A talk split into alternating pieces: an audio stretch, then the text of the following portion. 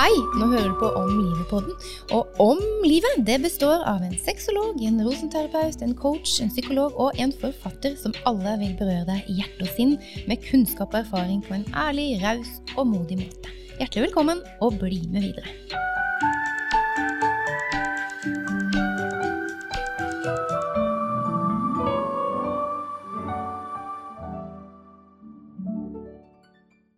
Hei og godt nyttår. Eh, jeg heter Eline Li Hereid og er psykolog i Om livet-podden. Vi begynner det nye året med en podkast om der alt starter, hvis jeg skal referere til vår gjest Anette Lunde Christensen, nemlig tarmen vår. Denne episoden er del to av Tarm og helse. Noen av dere har kanskje fått med dere episoden med tarmeekspert Tore Midtvedt, som gikk i april i fjor. Eh, temaet da var tarm- og fekaltransplantasjon, og vi ville intervjue en som hadde erfart det på egen kropp. Anette forteller i denne episoden at hun har blitt 70% bedre ved hjelp av fekaltransplantasjon. Så vi skal høre mer om hennes erfaring med ME, kronisk utmattelse og denne behandlingsformen. Anette, du er sykepleier, yogainstruktør og først og fremst en veldig god venninne. Vi blei kjent gjennom at vi begge har kronisk utmattelse, eller at vi har blitt diagnostisert med ME for noen år tilbake. Men så var det faktisk min mor som opprinnelig spleisa oss da dere var på samme yogakurs, og hun tenkte at vi hadde mye å snakke om. Og, det, stemmer. var sant. ja. Men Anette, du må ta oss litt tilbake, fordi kan du forklare hva fekaltransplantasjon fekaltransplantasjon er? Ja, det er jo mer enn bare et vanskelig ord. det er altså en bakteriekultur eh, som man får satt eh, inn i tykktarmen sin. Så det er altså en donor som rett og slett gir avføring eh, til sykehuset eller den institusjonen som, som setter det. Eh, og så setter man da inn den avføringskulturen inn i den syke pasienten. Henholdsvis i tykktarmen, men det kan også settes inn i tynntarmen. Hmm. Men jeg husker at Tore han fortalte om det bergenske gullet. Og det var da, som jeg husker det, nedfryst avføring eh, gjennom 20 år. Har du tatt eh, Er det det bergenske gullet du har testa ut? Ja, det er det faktisk. Og det passer jo bra, siden jeg er født og oppvokst i Bergen. Uh, dette bergenske gullet, det var uh, en da uh, Han ville være anonym donor. som ble plukket ut fordi han var så veldig sunn og frisk og hadde fått veldig, veldig lite antibiotika opp gjennom sin levetid. Så dette var på begynnelsen av 90-tallet. Eh, så eh, Tore, som, som, du intervjuet tidligere, eh, han drev jo og forsket også da på ulike bakteriestammer i, i menneskers tykktarm. Og en annen kollega av han som jobbet på Haukeland sykehus, Arnold Berstand, han døde nylig.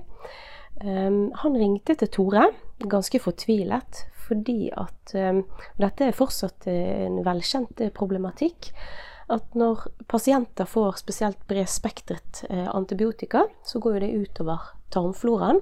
Og da kan en sånn tarmbakteriestamme som heter clostridium difficile, den kan blomstre opp. Eh, og eventuelt bli eh, potensielt dødelig. Og Arnold han ringte da til Tore for å høre om han hadde noen gode råd for å få disse her pasientene på beina igjen og hindre flere dødsfall. Og så sa Tore ja, det har jeg faktisk. Um, jeg syns at du skal gi det avføring. Avføring, sa han Arnold Berstad da. Da, da tror ikke jeg får lov til å være lege lenger hvis jeg gir pasientene mine som er døende, bæsj. Uh, men uh, Tore han forklarte da hvordan dette her uh, i teorien kunne fungere. Og så gikk til slutt da Arnold med på å prøve dette ut. da. Og da hadde de to pasientgrupper. Den ene skulle de gi avføring, og den andre skulle de fortsatt gi antibiotika, som var da den vanlige prosedyren. De måtte avslutte eh, studien og gi også den gruppen som hadde fått antibiotika, de måtte også få bæsj, fordi at det var så utrolig god effekt. Det kunne altså da være pasienter som var eh, tilnærmet nær døden, som da spaserte ut fra sykehuset bare noen få dager seinere. Ved å få tilsatt dette her bergenske gullet opp i, i, opp i tykktarmen. Så det er historien bak eh, det bergenske gullet. Mm. mm. Og i dag så er det flere klinikker som tilbyr fekaltransplantasjon. Men ikke nødvendigvis da det bergenske gullet. Helt riktig. Um, det er flere klinikker rundt omkring i Norge. Uh, en annen kjent lege, Frank uh, Skal vi se om jeg klarer å uttale navnet riktig. Hillebusch, tror jeg det uttales. Um, han holder til på spesialistklinikken. Er også blitt en annen kjendis innenfor dette med fekaltransplantasjon. Og han bruker da lokalpersoner fra Harstad-området som han screener Eh, og som, der man gjennomgår sykdomshistorikk, ikke bare eh, fysisk, men også psykisk historikk. Um, og så setter han da denne kulturen, eller fra forskjellige donorer, da, eh, inn i pasientene. Så det er ikke samme bakteriekultur. Mm. mm. Men, for det er jo noen sykdommer som det har blitt forska på hvor det funker, mens ME er det ikke så mye testa ut på. Nei, det det har blitt testet mest ut på, er jo gjerne de med irritabel tarmsyndrom, eller IBS, Irritable Bowel Syndrome. Eh, også noe på eh, tarmlidelser som ulcerøs kolitt eller Crohns, som da er betennelsestilstander i, eh, i vevet inni, inni tarmen, da. Mm. Uh, og man ser at i hvert fall med IBS så har to tredjedeler av pasientene god effekt. Da. Noen der varer det gjerne et års tid, og så kommer gjerne symptomene tilbake, de gamle symptomene.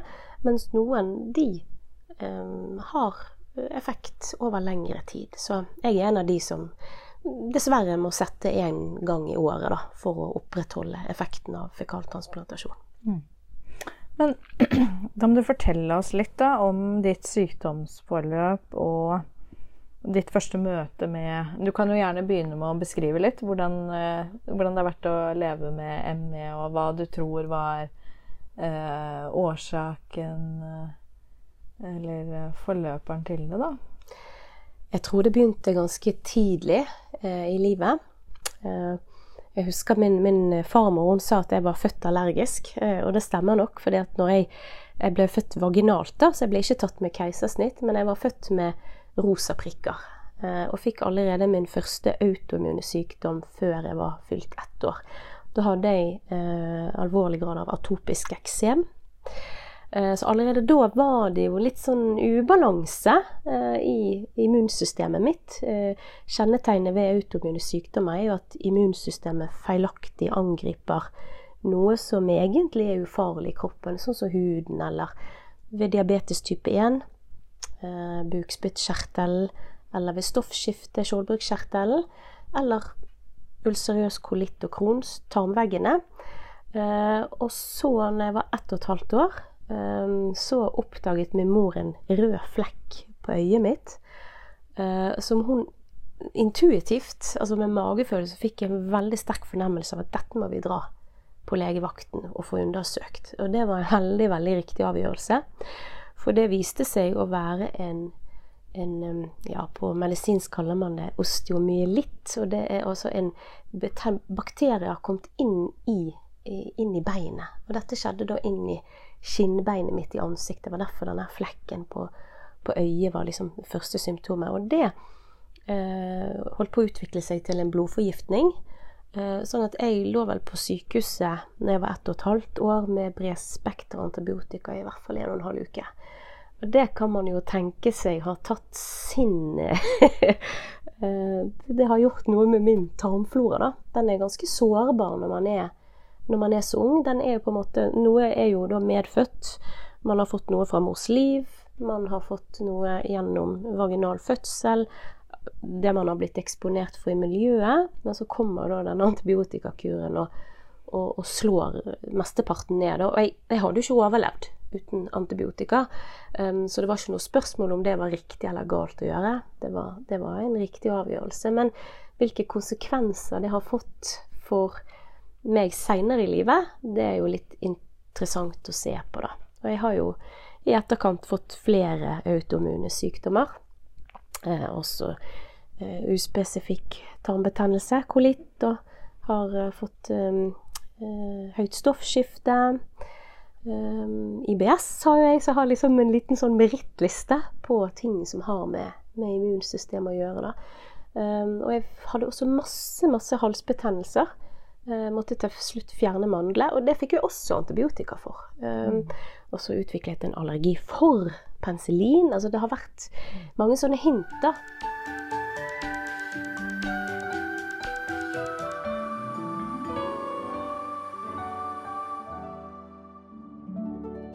Så må jeg bare skyte inn av dette at du er jo en person som er veldig opptatt av eh, helse. Altså du er jo sykepleier, yogainstruktør, og du leser veldig mye om eh, tarm eh, og psykisk eh, fysisk helse. Så jeg tenker jo at en annen person kunne jo, eh, som ikke hadde hatt så, såpass mye kunnskap om det, kunne jo kanskje bare tenkt at dette var noe som kom eh, som lyn fra klar himmel.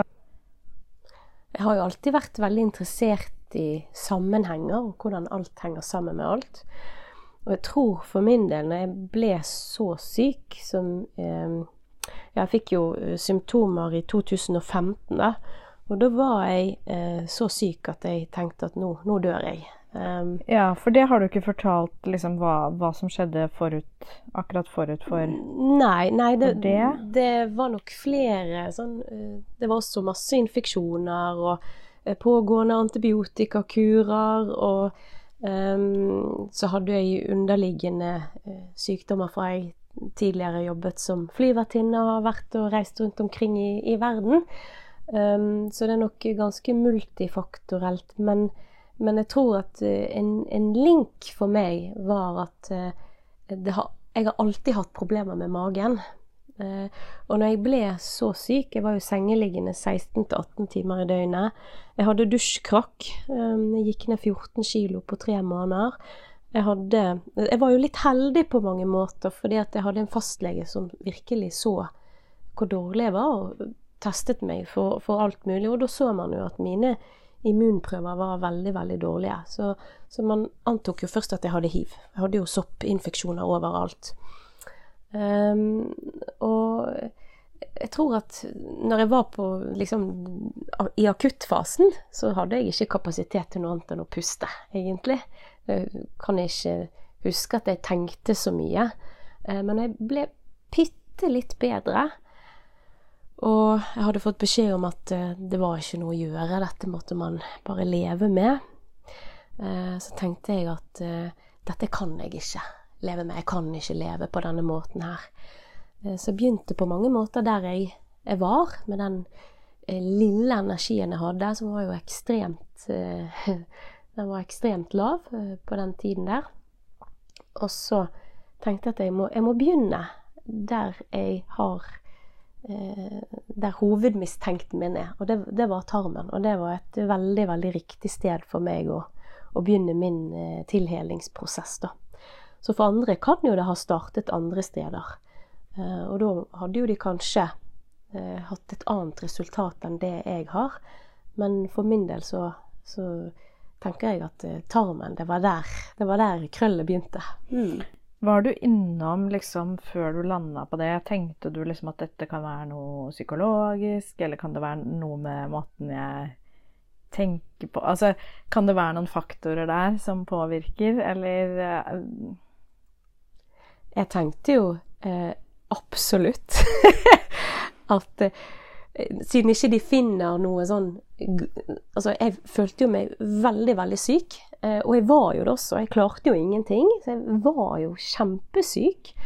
Um, men når ikke de fant noe galt biologisk, skal på prøver, så tenkte jeg selvfølgelig Herregud, er det i hodet det sitter?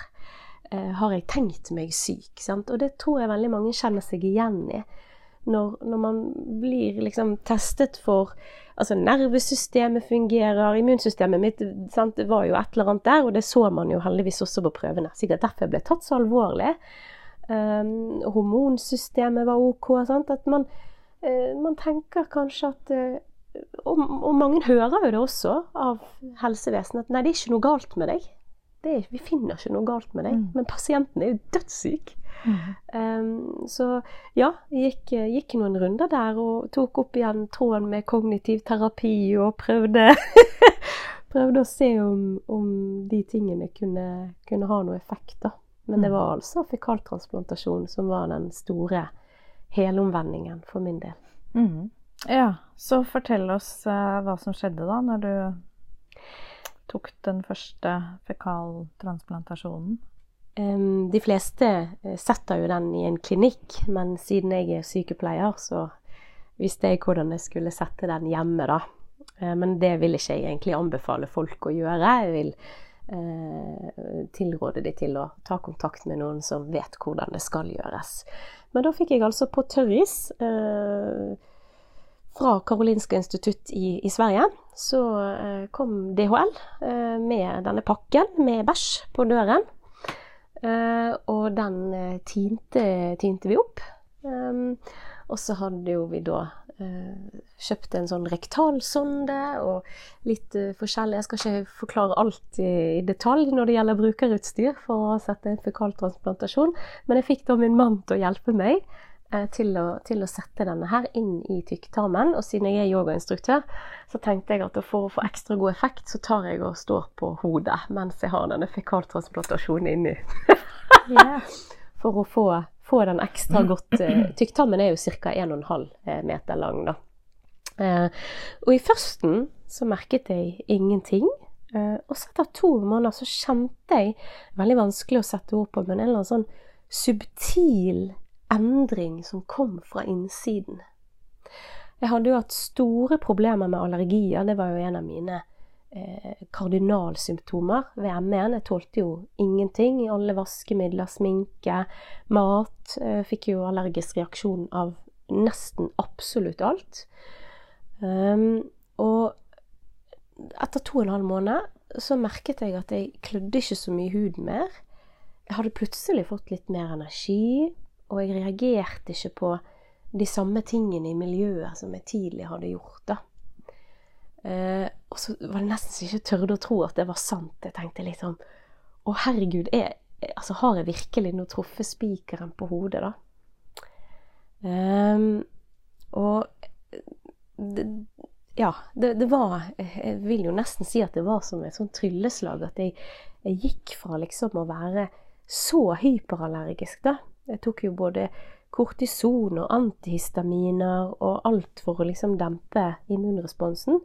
Og så plutselig så kunne jeg slutte, eller trappe veldig ned på disse medisinene. Um, og, og, likevel ikke ha noen allergier, da. Um, og plutselig kunne jeg spise mat som jeg ikke hadde kunnet spist på årevis. Uten å få diaré eller kramper eller uh, kvalme eller ja, Uh, og så eh, bare fortsatte det.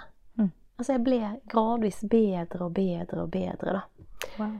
Så, så, det var det, det, var en veldig, veldig eh, spesiell og dypt inngripende forandring mm. etter den fekaltransplantasjonen. Mm. Ja, det er fascinerende. Um, opplevde du også mentale endringer? Siden det var så, såpass mye fysisk som skjedde? Det gjorde jeg også. Jeg eh, vil jo bare si at det er helt, helt vanlig også ved andre sykdommer, som f.eks. MS eller kreft, som veldig, altså som inngriper veldig i livskvaliteten, så er det veldig, veldig vanlig uh, å uh, enten bli nedstemt eller også få utvikle depresjon. Og det hadde jeg også gjort. Jeg hadde utviklet en mild depresjon av å rett og slett være så syk. Jeg hadde jo et lite barn på den tiden der som jeg nesten ikke klarte å ta meg av. Og det er klart, eh, når du er eh, ung mor og førstegangsmor, og ikke på en måte har helse til å eh, ta vare på barnet, det er en utrolig stor sorg. Og jeg tenker at det er ganske naturlig jeg, å bli påvirket mentalt av å være så syk. Og, ikke, og når legene sier at det ikke er noe å gjøre, dette må du leve med um, bare tenker på det, så blir jo jeg, mm. blir jeg liksom påvirket. Um, og, og, angst også, sant. At du, du, er redd for fremtiden. Skal man være sånn for alltid? Skal jeg ha det sånn som dette her? Det går ikke.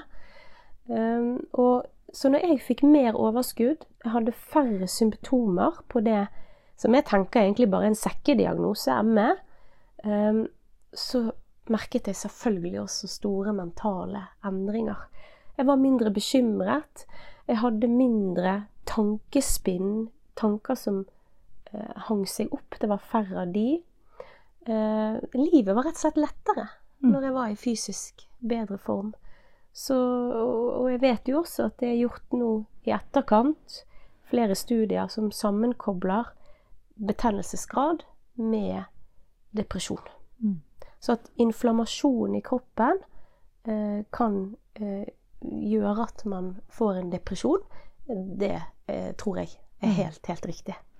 Ja, ja, og så kommer man jo gjerne inn i en sånn håpløshetstilstand, så det vekker jo veldig mye håp at du ser at symptomene At ting kan endre seg, da. Det kan, eh, du kan bli Du kan jo få tanker om at du kan bli helt frisk. Mm. Og det gjør jo veldig mye, tenker jeg. Ja.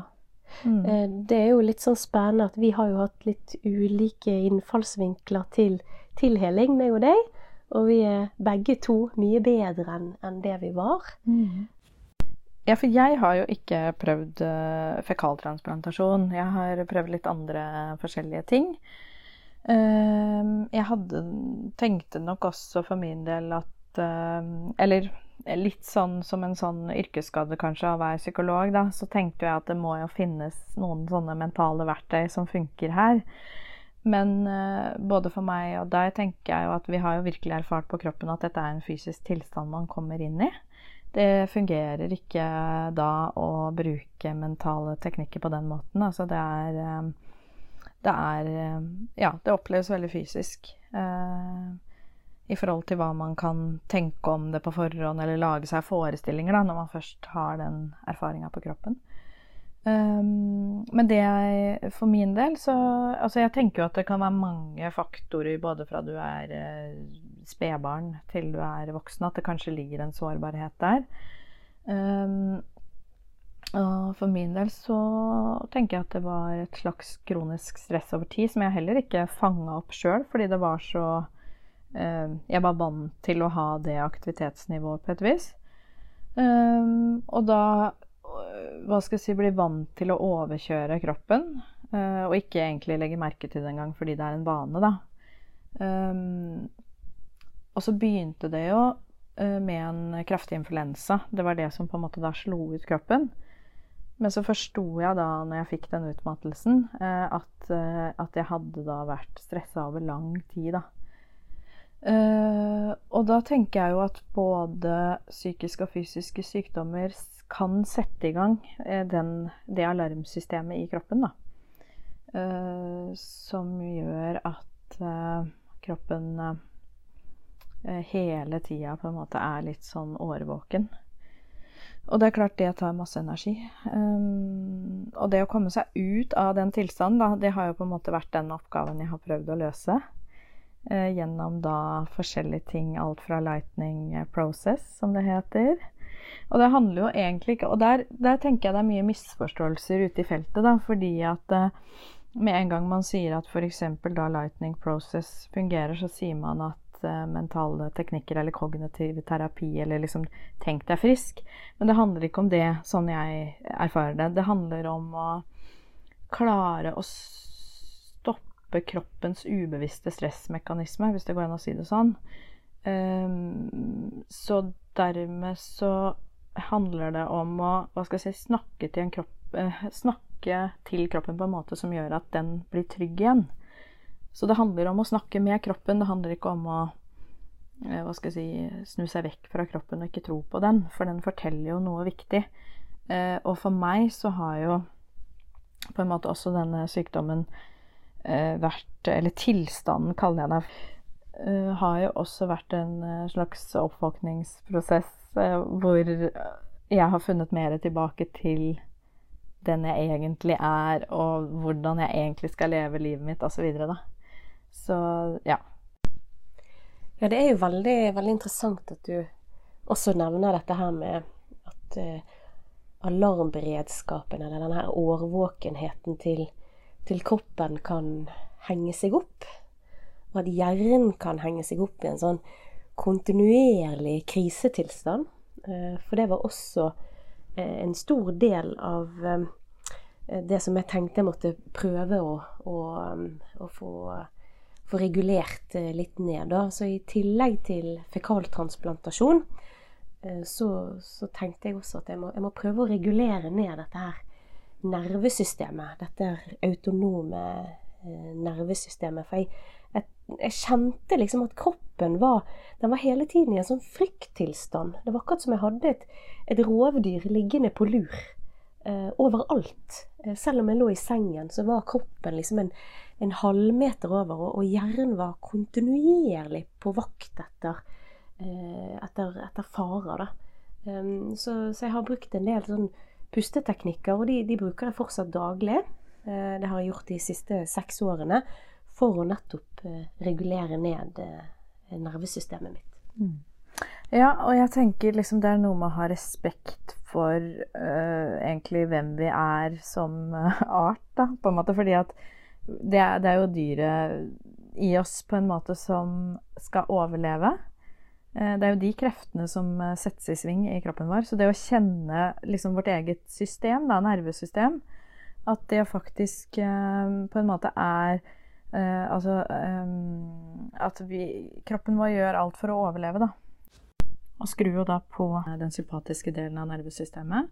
Og vi får ikke tilgang til eh, parasympatiske nervesystemet. Men pust, som du er inne på, er den beste måten uh, å få tilgang til den nedre delen av hjernen vår som er kobla til instinktene våre. Og det er jo også her vi kan få tilgang til tidligere traumer som gjør at vi har noen handlingsmønstre som går på automatikk. Så pust er en veldig god inngang til å roe ned det sympatiske nervesystemet og skru på mer av det parasympatiske, så kroppen kan hvile i større grad. Eh, og det kan jo f.eks. være enkelt forklart å forlenge eh, utpusten, da. Ja, det er jo akkurat det jeg gjør hver dag. Det er faktisk å ha en sånn pusteøvelse som heter pranayama, der man bruker dobbelt så lang tid på utpust som innpust. Da. for når en kropp er i balanse, eh, så bruker man jo ca. like lang tid på innpust og utpust. Men, men jeg har jo eh, tenkt, og, flere med meg, at hvis man da dobler utpusten, så vil man jo da eh, konsekvent slå på denne her parasympatiske delen av nervesystemet og få roet ned denne her sympatikusresponsen. Så, mm. så denne her pusteøvelsen har vært eh, også eh, I tillegg til det bergenske gullet, så har dette også vært gull for, mm. Eh, for at jeg skal ha blitt bedre. Mm. mm. Ja, og så har jeg lyst til å spørre deg, Anette, liksom hva Fordi ofte så tenker vi jo på sykdommer og sånn som noe som fratar oss noe. Fratar oss livskvalitet. Det er et slags tap. Uh, men jeg liker jo som person å liksom tenke at det går an å finne muligheter i alt, eller å se en mening i det meste, på en måte, da. Men opplever du at Hva opplever du at dette har gjort med deg og livet ditt? Hva skal jeg si, har det, har det, også gitt deg noe, for å spørre på den måten, da? Ja, i begynnelsen så måtte jo jeg som, som de fleste andre gå gjennom en sånn sorgprosess, da. Um, at livet mitt var annerledes, og at det sannsynligvis ut ifra hvert fall den ME-statistikken man får servert eh, med når man, man, får denne diagnosen, der det var vel i underkant av 5% sjanse for at jeg kom til å bli helt frisk. Det var ikke så veldig oppløftende å få med seg hjem. Men at um, det er mulig å stable et nytt liv på beina, selv om det er annerledes enn sånn som livet var før, da.